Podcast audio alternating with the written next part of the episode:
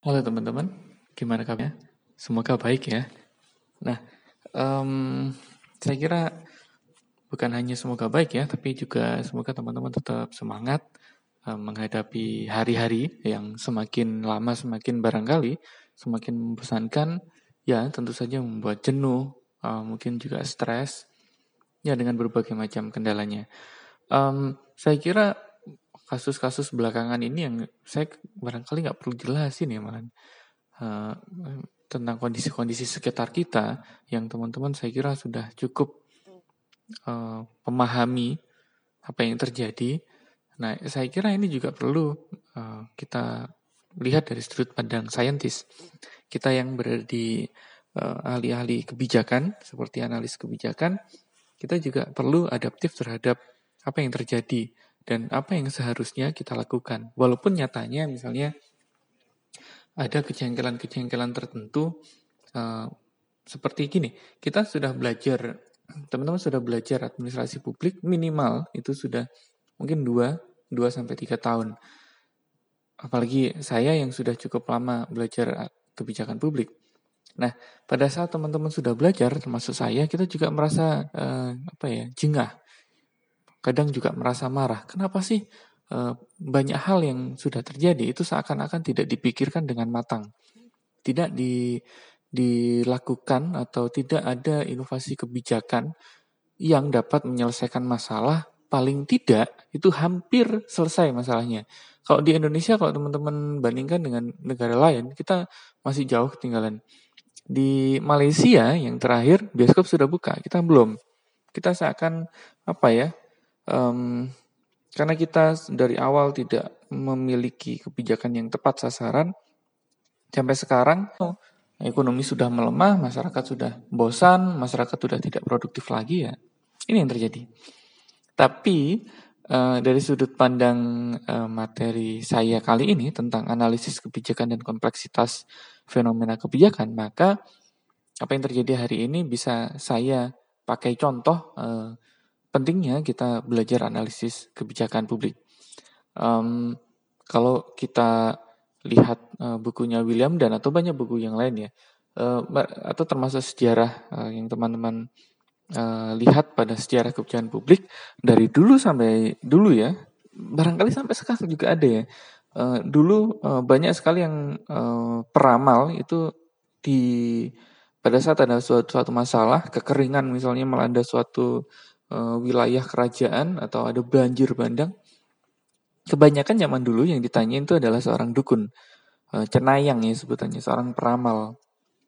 Uh, mereka yang selalu ditanya-tanya, ini gimana, kapan selesainya, solusinya bagaimana? Karena mereka zaman dulu juga belum memiliki banyak pengetahuan tentang aspek-aspek saintis.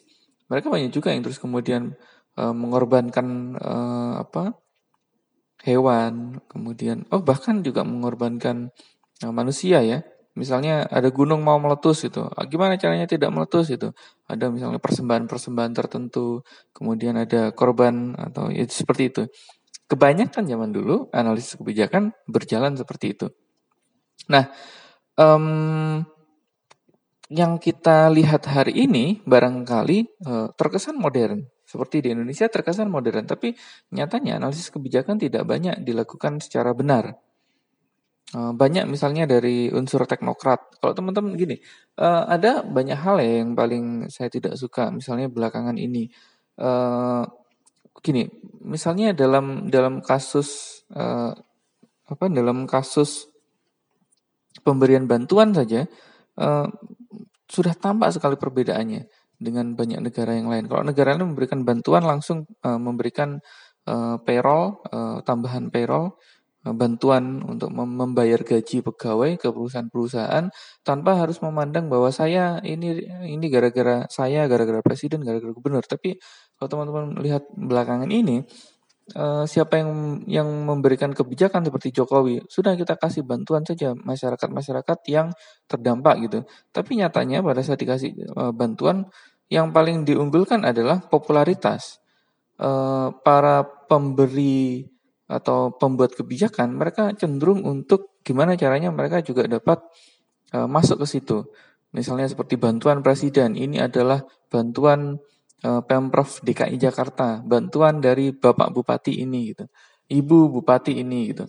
Nah, itu yang terus kemudian membuat uh, apa, kebijakan publik terkesan hanya sebagai alat uh, untuk mempopulerkan seseorang, bukan sebagai penyelesai masalah kebijakan.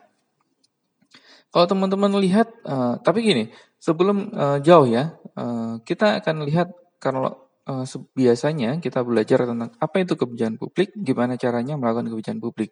Tapi di analisis kebijakan, Eh, maka teman-teman di, di diarahkan untuk eh, menjadi seorang pengamat, menjadi seorang peneliti, menjadi seorang pemerhati dengan duduk di balik meja atau juga bisa juga untuk datang ke lapangan untuk melihat. Nah, itu yang membedakan.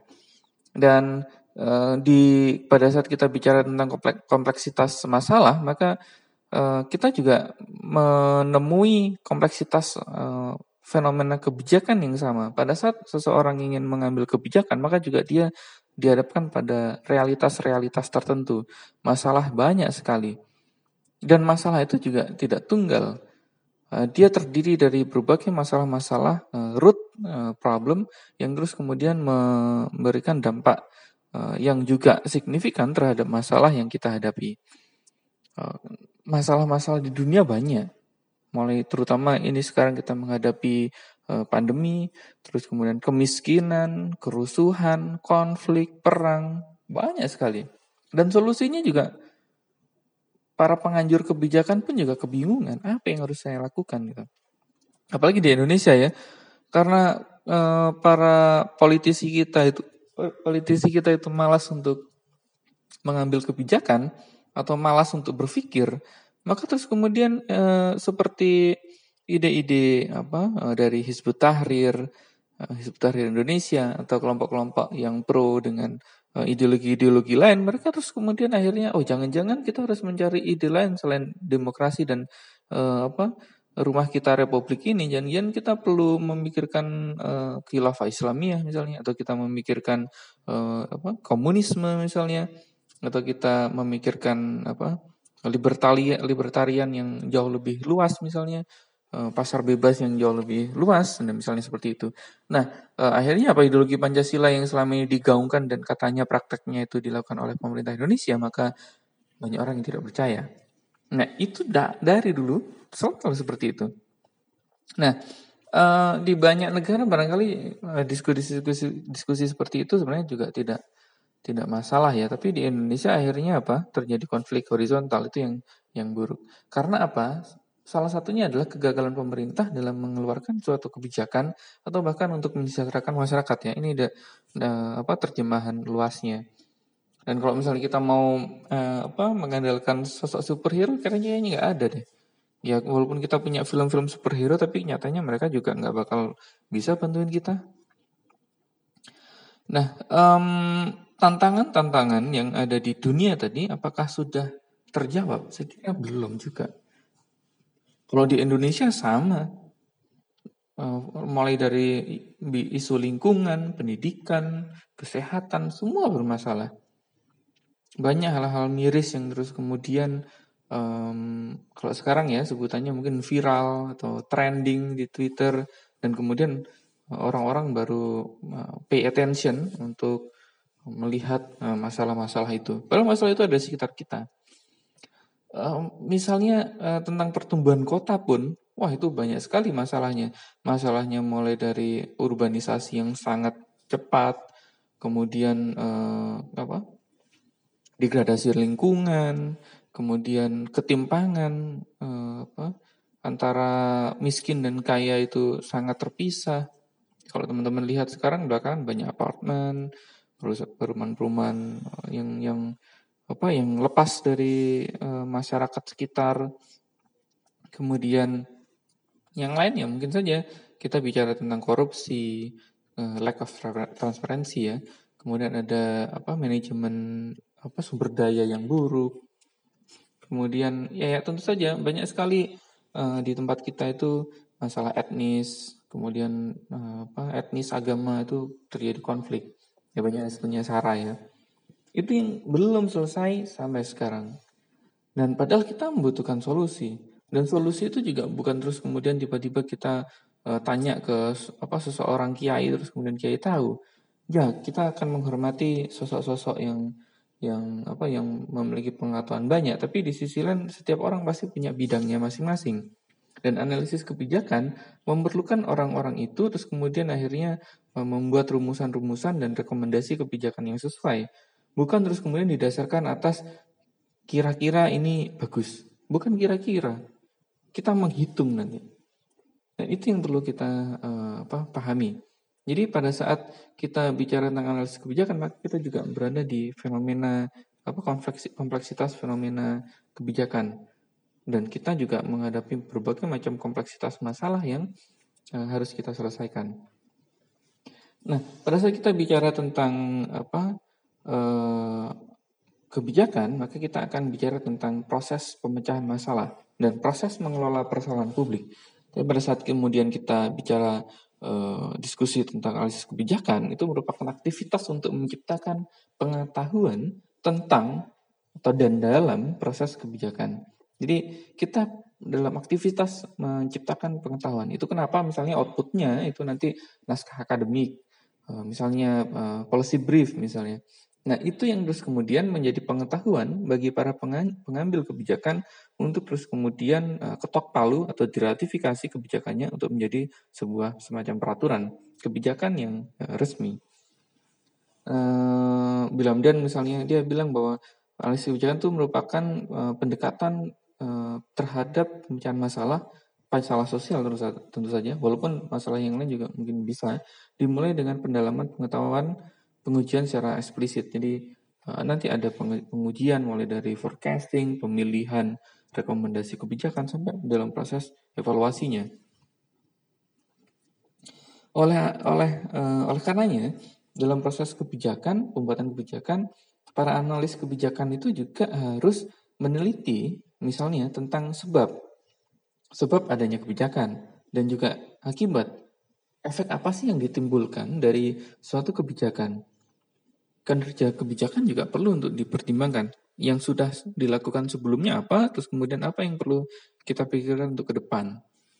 Yang berikutnya tentang uh, program publik. Ini karena untuk pemecahan masalah publik maka ya, apa peneliti atau analis kebijakan itu juga harus mempertimbangkan uh, masalah publik. Persoalan publik yang memang benar-benar bukan untuk kepentingan atau golongan tertentu.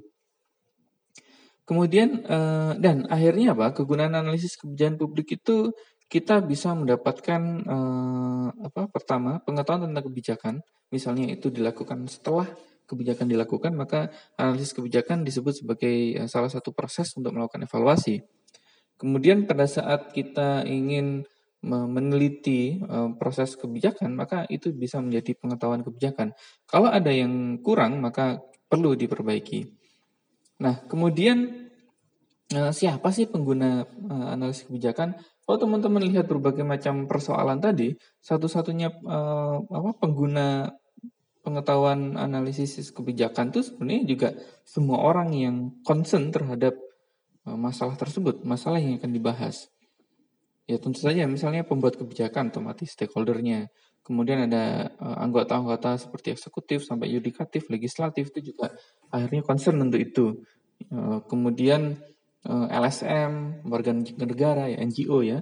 Uh, misalnya dalam isu isu isu salah satu uh, masalah lingkungan, NGO itu tidak hanya berdiri sendiri dalam satu negara, tapi juga NGO internasional juga concern terhadap masalah-masalah di suatu negara.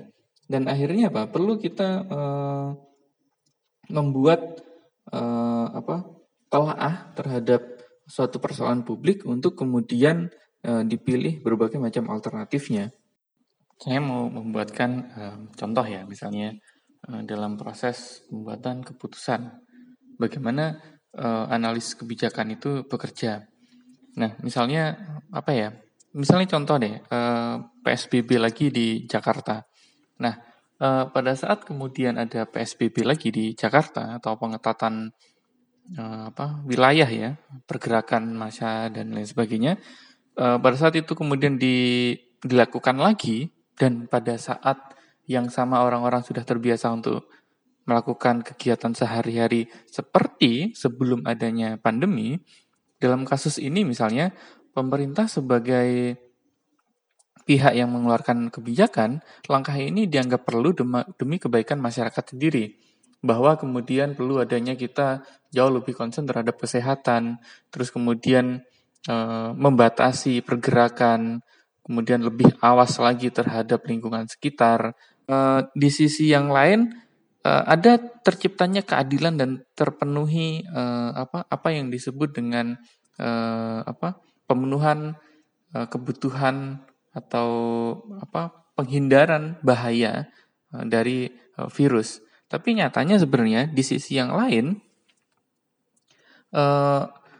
para orang-orang yang merasa sehat, yang mereka yang merasa bahwa saya itu baik-baik saja dan saya harus keluar rumah dan saya harus berkegiatan sehari-hari apa pun pekerjaannya di sisi yang lain kemudian ada orang-orang yang terus kemudian menjustifikasi dirinya bahwa saya juga benar, bahwa saya pada saat terus kemudian ada PSBB lagi merasakan dampak-dampak dari kebijakan PSBB itu dan sangat berpotensi sekali untuk menimbulkan permasalahan publik baru. E, warga-warga yang atau masyarakat yang merasa bahwa mereka tidak memerlukan PSBB dan berusaha untuk keluar e, dari dari rumah dan untuk berkegiatan lagi itu mengalami apa ya merasa misalnya mengalami kehidupan sosial dan ekonomi yang sangat sulit pada saat ada PSBB membuka warung misalnya saya kira itu nggak usah satu persatu uh, apa jenis pekerjaan yang kita perlu bahas tapi saya kira itu menyangkut semua uh, apa jenis pekerjaan mulai dari yang paling uh, bawah sampai yang paling atas. Eh, bagi analisis kebijakan tentu saja kedua uh, alasan pemerintah yang tadi dan kemudian eh, orang-orang yang concern dengan kesehatan, dengan tenaga kesehatan dan sebagainya itu tadi, bagi analisis kebijakan tentu tidak bisa kemudian dikesempat, dikesampingkan begitu saja dampak yang lain yang baru muncul, yang yang bukan aja baru muncul, yang yang pasti itu muncul, kemudian apa, karena karena pada dasarnya kebijakan publik itu tujuannya untuk menyelesaikan masalah, bukan menciptakan masalah yang baru. Nah, pada saat terus kemudian ada PSBB lagi, ini juga nanti akan memerlukan, eh, memunculkan atau menciptakan masalah publik baru. Terlepas dari mana eh, teman-teman apa berpihak atau sudut pandangnya berada di mana, tapi eh, kenyataan atau eh, keadaan seperti itu tidak bisa kita elakkan lagi. Kita sudah pernah melakukan pengetatan wilayah sebelumnya dan hasilnya uh, buruk karena kita sebenarnya tidak melakukan apa-apa dan kita malah jauh lebih uh, buruk lagi kondisinya uh, pada saat pandemi ini. Uh, ya di sisi lain terus kemudian pada saat kita agak-agak melupakan kemudian ekonomi sudah berjalan lagi. Tapi dualisme itu pasti ada. Dan pada saat pemerintah memilih salah satu dan kemudian jauh lebih memilih salah satu, tidak lagi memilih yang lain, maka yang bisa kita pastikan adalah ada muncul masalah publik yang baru dan ini yang tidak yang tidak baik. Pada saat teman-teman terus kemudian mengedepankan perspektif uh, apa aspek tertentu dengan mengesampingkan aspek yang lain, uh, apa perspektif itu terus kemudian akhirnya apa? Yang misalnya yang pertama mengedepankan aspek apa uh, teknis kesehatan, uh, kemudian mengabaikan apa eh, aspek-aspek sosiopolitis, ekonomi misalnya, dan itu saya kira eh, menjadi masalah yang baru. Eh, sebaliknya, pada saat perspektif yang apa yang kedua yang dikedepankan, yang sosioekonomi tadi, sosioekonomi politis tadi, dan kemudian mendorong eh, apa upaya mencari solusi alternatif dalam menyelesaikan eh, pandemi, akhirnya apa kesehatan yang tadi itu juga terus kemudian menjadi masalah yang baru. Tapi bisa kita pikirkan dari sudut pandang saya misalnya untuk kasus yang itu eh, apa kompleksitas masalah itu juga perlu kita dalami. Kita benar misalnya eh, apa punya masalah kesehatan, tapi di sisi lain yang paling buruk adalah masalah ekonomi. Ber, apa gembar-gembar pemerintah berhasil menurunkan kemiskinan kemarin akhirnya ya tidak tidak berguna juga. Dan pada saat kita dihadapkan pada ekonomi, uh, kemudian uh, size uh, perusahaan untuk kemudian bisa mempekerjakan pegawai misalnya itu yang terus kemudian anjlok otomatis kalau kita lihat dari sisi itu maka uh, apa semua berakhir buruk. Pandemi ini terus kemudian tidak berhasil kita menangkan. Yang kita yang bisa kita lakukan ya tentu saja satu-satunya hanya menunggu vaksin. Vaksin dan obat yang jelas-jelas uh, bisa menyelesaikan masalah. Misalnya seperti kita uh, apa bukan kita ya misalnya ada yang terkena ini kenapa selalu, selalu, selalu bilang kita ya? Misalnya ya um, orang lain uh, terkena infeksi. Ada seseorang yang terkena infeksi. Bagaimana kita bisa menyediakan obat misalnya seperti flu? Kita kan bisa tinggal beli obat misalnya seperti ultra flu kan? Uh, harganya misalnya 2000 orang minum itu sekali itu udah bisa langsung sembuh. Nah, kalau misalnya uh, covid itu udah covid 19 itu sudah sampai segitu mungkin ya kita bisa santai ya. Nah tapi masalah kita belum sampai situ dan kita masih sebagai negara yang salah satu negara yang tidak bisa mengendalikan pandemi, maka kita menjadi seperti ini terus. Nah, itu adalah dua perspektif, dua uh, apa kemungkinan, misalnya ya pengambilan keputusan. Uh, kita bisa melihat itu sebagai uh, masalah yang kompleks, kompleks sekali, dan kita tidak memiliki rujukan sejarah apa pun dalam menyelesaikan pandemi ini. Tapi kalau untuk masalah untuk kembali mengembalikan ekonomi, pemulihan ekonomi, saya kira kita tidak ada masalah karena semua orang, perusahaan maupun korporasi maupun negara, setiap negara itu punya blueprint yang bisa dilaku, bisa dicepat digunakan untuk pemulihan ekonomi.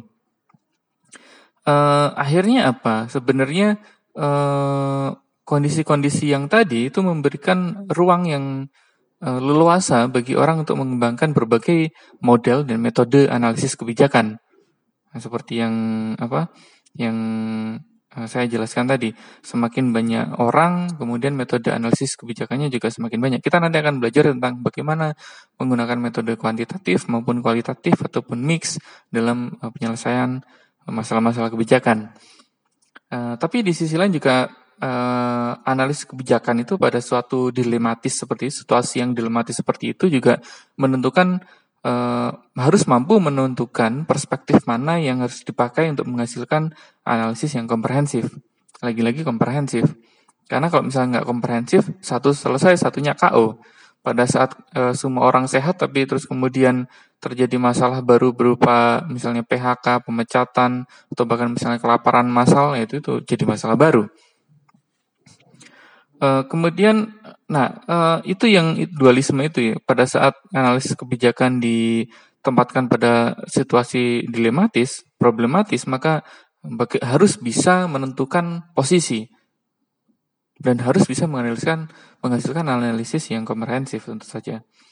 Nah, keinginan untuk menghasilkan analisis komprehensif itu juga tidak jarang membawa analisis kebijakan itu berupaya untuk memperhitungkan semua faktor yang mempengaruhi proses sebuah kebijakan.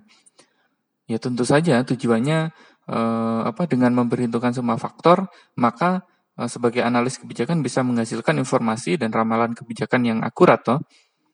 Eh, namun juga eh, perlu saya ingatkan karena ini pertemuan-pertemuan awal ya, maksudnya eh, materi-materi awal nanti di ke depannya sayangnya ya tujuannya itu untuk melakukan praktek-praktek analisis kebijakan yang komprehensif, kadang-kadang analis kebijakan itu eh, terutama yang sudah senior, yang pro, yang banyak sekali apa kepercayaan dirinya, eh, kadang-kadang eh, juga cenderung tidak hati, tidak hati-hati dan kadang-kadang terjebak dalam penggunaan nalar rasional komprehensif yang berlebihan. Rasional tentu saja kan sebagai seorang analis kita harus apa rasional kan tapi gini, apa eh, pada saat terlalu percaya diri pada rasionalitas, kadang-kadang rasionalitas dan kapasitasnya kadang-kadang eh, apa dia sebagai teknokrat atau analis kebijakan tuh karena terlalu percaya diri maka kadang-kadang eh, rekomendasinya itu juga keliru karena tidak menempatkan suatu masalah dalam konteks yang eh, apa yang yang ada pada saat itu. Hmm, saya kasih contoh uh, yang tadi ya. Misalnya pada saat kemudian kita hanya konsen terhadap kesehatan, kita tidak tahu bahwa konteks uh, masyarakat Indonesia itu hampir mayoritas pekerjaannya adalah informal. Pada saat terus kemudian kita melakukan pengetatan diri dan orang-orang itu uh, berada dalam apa lingkungan pekerjaan yang informal harus keluar rumah. Ini yang terus kemudian tidak bisa kita uh, apa hindari. Hindari dalam artian pasti orang-orang itu mau tidak mau harus keluar rumah karena mereka harus me, apa bekerja misalnya. Uh, mulai dari uh, supir, uh, orang jualan, macam-macam ya, uh, di jasa-jasa wisata apalagi itu mereka tidak akan mampu untuk terus berdiam diri di rumah kan. Itu misalnya. Pada saat terus kemudian rasionalitasnya misalnya, ini masalah kesehatan, jadi harus diselesaikan di, dengan kesehatan. Pada saat kepercayaan uh, diri yang berlebihan seperti itu, terutama misalnya kementri, di Kementerian Kesehatan ya, dan akhirnya apa? Pada saat mereka percaya bahwa saya seorang teknokrat, uh, analis kebijakan kesehatan yang sangat luar biasa berpengalaman gitu, atau sangat tahu saya tentang ini semua, saya epidemiolog yang sangat-sangat berpengalaman gitu misalnya. Karena eh, biasnya seperti itu rasionalitasnya bahwa ini masalah kesehatan dan harus diselesaikan segera dan tidak tahu konteks bahwa dia ada di Indonesia dan dia hanya berkaca pada Cina, eh, Jepang, kemudian eh, Australia, Selandia Baru misalnya. Pada saat mereka lihat negara-negara itu dan kemudian bisa menyalurkan bantuan dengan baik, kita nggak bisa lihat Indonesia hampir semua orang yang bekerja di informal, bahkan mereka tidak memiliki rekening tabungan, dan orang-orang pendataan di Indonesia itu juga buruk, maka kita harus juga memahami konteksnya. Nah itu itu itu itu misalnya. Jadi uh, saya tidak dalam posisi untuk mendukung satu dan mendukung yang lain ya, atau tidak mendukung yang lain, tapi uh, saya uh, memberikan contoh bagaimana uh, apa itu bekerja. Uh, kemudian Nah, itu yang tadi ya, yang yang rasional komprehensif. Tapi di sisi lain, kadang-kadang ada yang bersifat parsial, belum belum selesai dibahas, tiba-tiba harus uh, ketok palu untuk merumuskan gitu. Uh, bersifat parsial, uh, apa? Namun uh, sering berpikir bahwa banyak hal yang normatif umum. Normatif umum itu maksudnya ya yang biasanya, pokoknya biasanya gini, maka saya akan melakukan ya biasanya saja gitu. Nah ini kurang memiliki daya ramal dan sedikit sekali apa manfaatnya bagi kebutuhan praktis kebijakan. Nah dalam pemilihan perspektif dan konsekuensi tuntutan terhadap apa derajat komprehensivitas yang ditimbulkan, seorang analisis itu juga uh, perlu memahami perspektif dasar yang selama ini digunakan untuk uh, apa pembuatan kebijakan.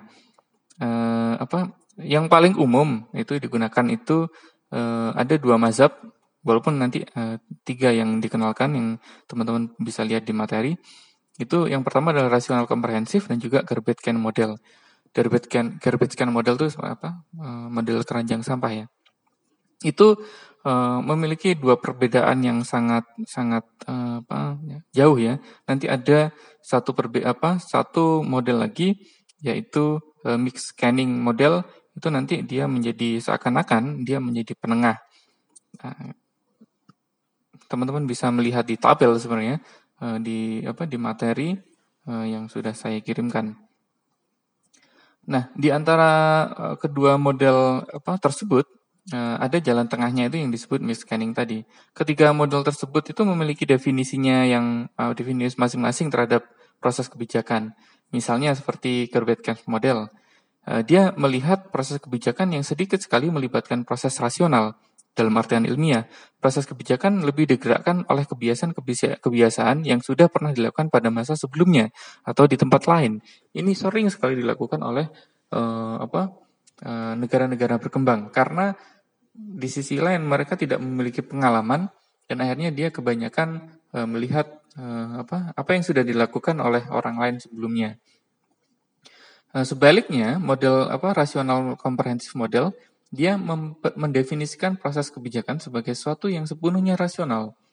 Proses kebijakan meliputi apa aktivitas untuk kalkulasi, proyeksi, perencanaan, formulasi. Nanti kita belajar di apa eh, bidang apa sub eh, forecasting yang terus kemudian yang sering sekali eh, rumit sekali yang sering sekali sekali. Ya memang uh, rumit. Makanya saya juga ngomongnya pun rumit. Karena rasional komprehensif. Rasional harus benar-benar rasional. Datanya dikumpulkan dari berbagai macam tempat.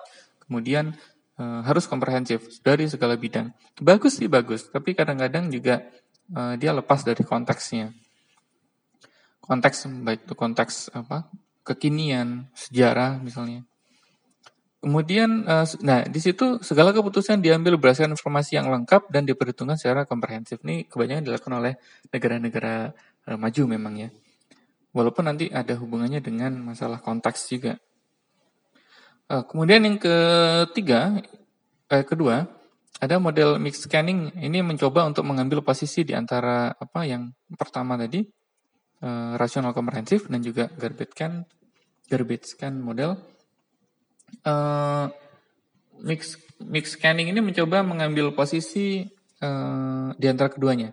Model ini mengakui keterbatasan alam manusia dan melihat proses kebijakan tidak semata-mata ditentukan oleh perhitungan rasional, efektif, efisien, tapi juga perhitungan uh, rasional politis yang mengakibatkan proses kebijakan diwarnai oleh proses tawar-menawar antar berbagai aktor dan kepentingan yang terlibat. Jadi dalam proses ini, analis itu harus juga melihat berbagai macam kepentingan-kepentingan yang memang sudah ada dan diidentifikasikan oleh para pembuat kebijakan.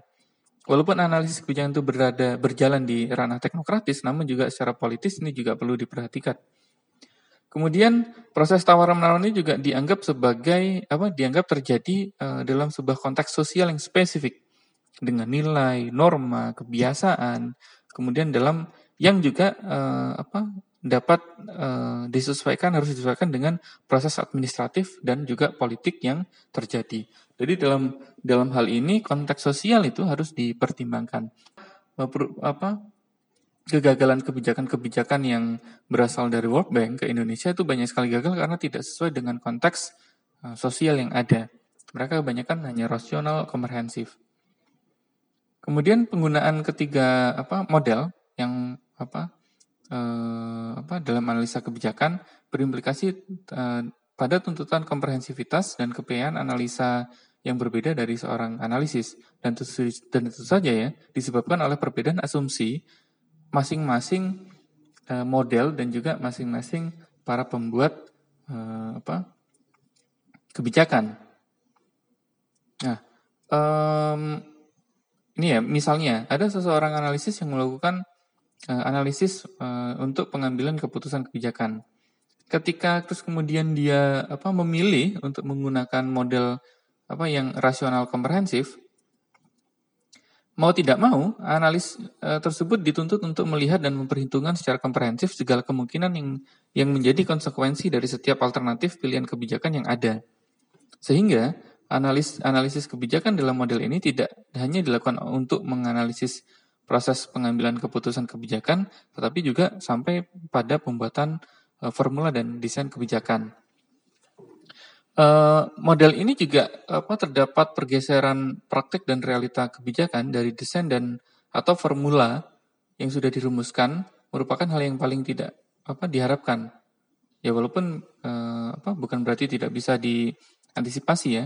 Biasanya desain dan formulasi kebijakan nantinya kita akan juga belajar tentang itu dibangun uh, dengan model yang telah menyiapkan desain dan formulasi atau kontingensi atau exit plan yang jika ada situasi kebijakan uh, berkembang ke arah yang tidak diantisipasi sebelumnya.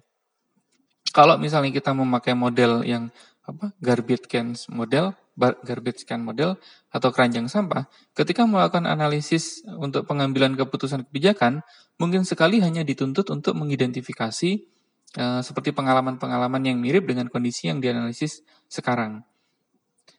Uh, kemudian mengidentifikasi keputusan apa yang diambil, yang biasa diambil dalam situasi yang dianggap serupa dan seberapa besar keputusan itu diambil. Ya, formulasi dan desain kebijakannya itu tentu dirancang secara garis besar dan sangat mungkin mengalami perubahan yang uh, perubahan seiring dengan perkembangan situasi yang dihadapi. Nah, ini sebenarnya uh, apa terlalu apa ya terlalu bebas ya karena karena hampir semua uh, apa secara garis besar saja semua dimasukkan ke namanya saja keranjang sampah. Nah sementara uh, Miss Scanning berusaha menawarkan fleksibilitas di antara ketegangan dua model sebelumnya karena uh, asumsi model mix scanning melihat bahwa meskipun proses kebijakan melibatkan konflik kepentingan dan tawar-menawar antar aktor, seluruh aktor tersebut berbicara dalam satu bahasa batas rasional minimum. Jadi otomatis pada saat teman-teman sangat rasional, maka kita menganggap bahwa suatu suatu hal itu bisa kita perhitungkan dengan matang. Tapi di sisi lain pada saat kita menggunakan garbage model, itu seakan-akan uh, kita hanya menuliskan garis besarnya saja dan dan sangat cenderung untuk uh, cepat sekali berubah. Tapi pada saat terus kemudian kita menggunakan mix scanning, mix scanning bukan tentu kemudian akhirnya semua prosesnya tawar-menawar, tapi masing-masing aktor itu diperkirakan bahwa mereka memiliki ya, batasan rasional minimum yang ya bisa dipertanggungjawabkan istilahnya. Walaupun kadang-kadang juga uh, kita seringnya menggunakan garbage scan model itu karena hampir semua uh, berjalannya uh, tidak jelas arahnya ke mana. Nah kalau teman-teman bingung ya, tapi saya kira memang membingungkan sih. Pada saat kita bicara tentang analisis kebijakan yang bergerak di ranah teknokratis, tapi juga kita harus mempertimbangkan unsur-unsur sosiopolitis dan ekonomi yang perlu kita pertimbangkan. Ini juga penting karena kompleksitas fenomena kebijakan itu kan merentang luas dari berbagai macam uh, apa masalah. Jadi uh, untuk pertemuan kali ini, saya kira kita cukupkan dalam kebingungan itu kebingungan bahwa e, memang kita harus memang belajar analisis kebijakan agar kompleksitas kebijakan, kompleksitas fenomena kebijakan itu memang e, apa terdapat jalan keluar yang bisa kita pilih. Apalagi kalau kasus yang lain, kalau misalnya kasus misalnya penggusuran, itu kita bisa lihat ada dua, dua fenomena misalnya. E, yang pertama kasus apa pemerintah dan orang pemegang misalnya seperti perusahaan pemegang Eh, tanah atau itu tanah pemerintah, kemudian kita bisa lihat oh ini yang ini ini perlu seperti ini itu perlu seperti itu. Tapi untuk kasus misalnya seperti yang sekarang pandemi, kompleksitas kebijakannya luar biasa dan itu dibutuhkan bukan hanya masalah tentang rasional komprehensif tadi, uh, gimana caranya kita bisa mengumpulkan data sebanyak-banyaknya, tapi kita juga perlu ada dealing with uh, apa situation. Kita harus lihat situasinya seperti ini dan kita tidak juga bisa lihat ini dalam skala uh, lokal Jakarta misalnya PSBB, kemudian yang lain kemudian KO. Ini ini belakangan ini udah mau PSBB terus kemudian di banyak hotel di uh, apa, Jogja langsung drop lagi. Uh, kemudian orang-orang yang bekerja di Jakarta juga drop lagi. Dalam artian mulai dari pemasukan, kemudian produksi, size produksi dan sebagainya. Dalam banyak kompleksitas uh, apa masalah, kita memerlukan berbagai macam pendekatan. Itu paling tidak uh, Materi kali ini adalah highlight dari uh, kita selama semester satu semester ngapain saja dan kita akan mempertimbangkan bagaimana melakukan analisis kebijakan yang baik dan akurat untuk menciptakan rekomendasi kebijakan yang saya kira disukai banyak orang. Walaupun katanya kebijakan itu tidak bisa di apa tidak bisa memuaskan banyak orang, tapi saya kira tujuannya satu sih kesejahteraan sosial. Maka kita harus mengejar ke sana kesejahteraan publik yang kemudian menjadikan eh, mayoritas orang atau kebanyakan orang, kalau bisa semua orang itu e, merasa ada awareness dari para pembuat kebijakan. Ada ada mereka bahwa mereka itu memang benar-benar menjadi e, masyarakat yang diperhatikan oleh pembuat kebijakan.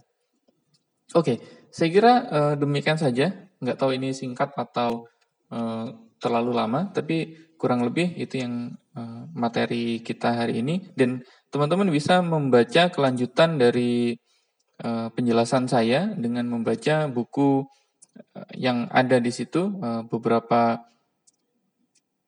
referensi yang lain misalnya public public choice uh, theory misalnya kalau tadi kita bicara dari sisi pemerintah misalnya teman-teman ingin belajar dari sisi masyarakat seperti apa sih gitu bagaimana orang-orang itu memilih suatu kebijakan Kompleksitasnya itu jauh lebih rumit karena prosesnya deliberatif uh, policy, policy yang terus kemudian dipilih oleh banyak masyarakat. Dan kemudian teman-teman juga perlu mempertimbangkan untuk membaca uh, yang satunya lagi yaitu uh, policy think tank. Sekarang ini banyak sekali think tank. Think tank itu semacam lembaga pemikir yang juga akhirnya mewarnai berbagai macam kebijakan di banyak negara. Di Indonesia misalnya di Bapenas itu banyak sekali sub-sub think tank. Tapi think tanknya juga dari uh, apa eh, lembaga-lembaga asing juga banyak. Rand Corporation kemudian World Bank, UNFPA itu banyak sekali yang masuk di sana.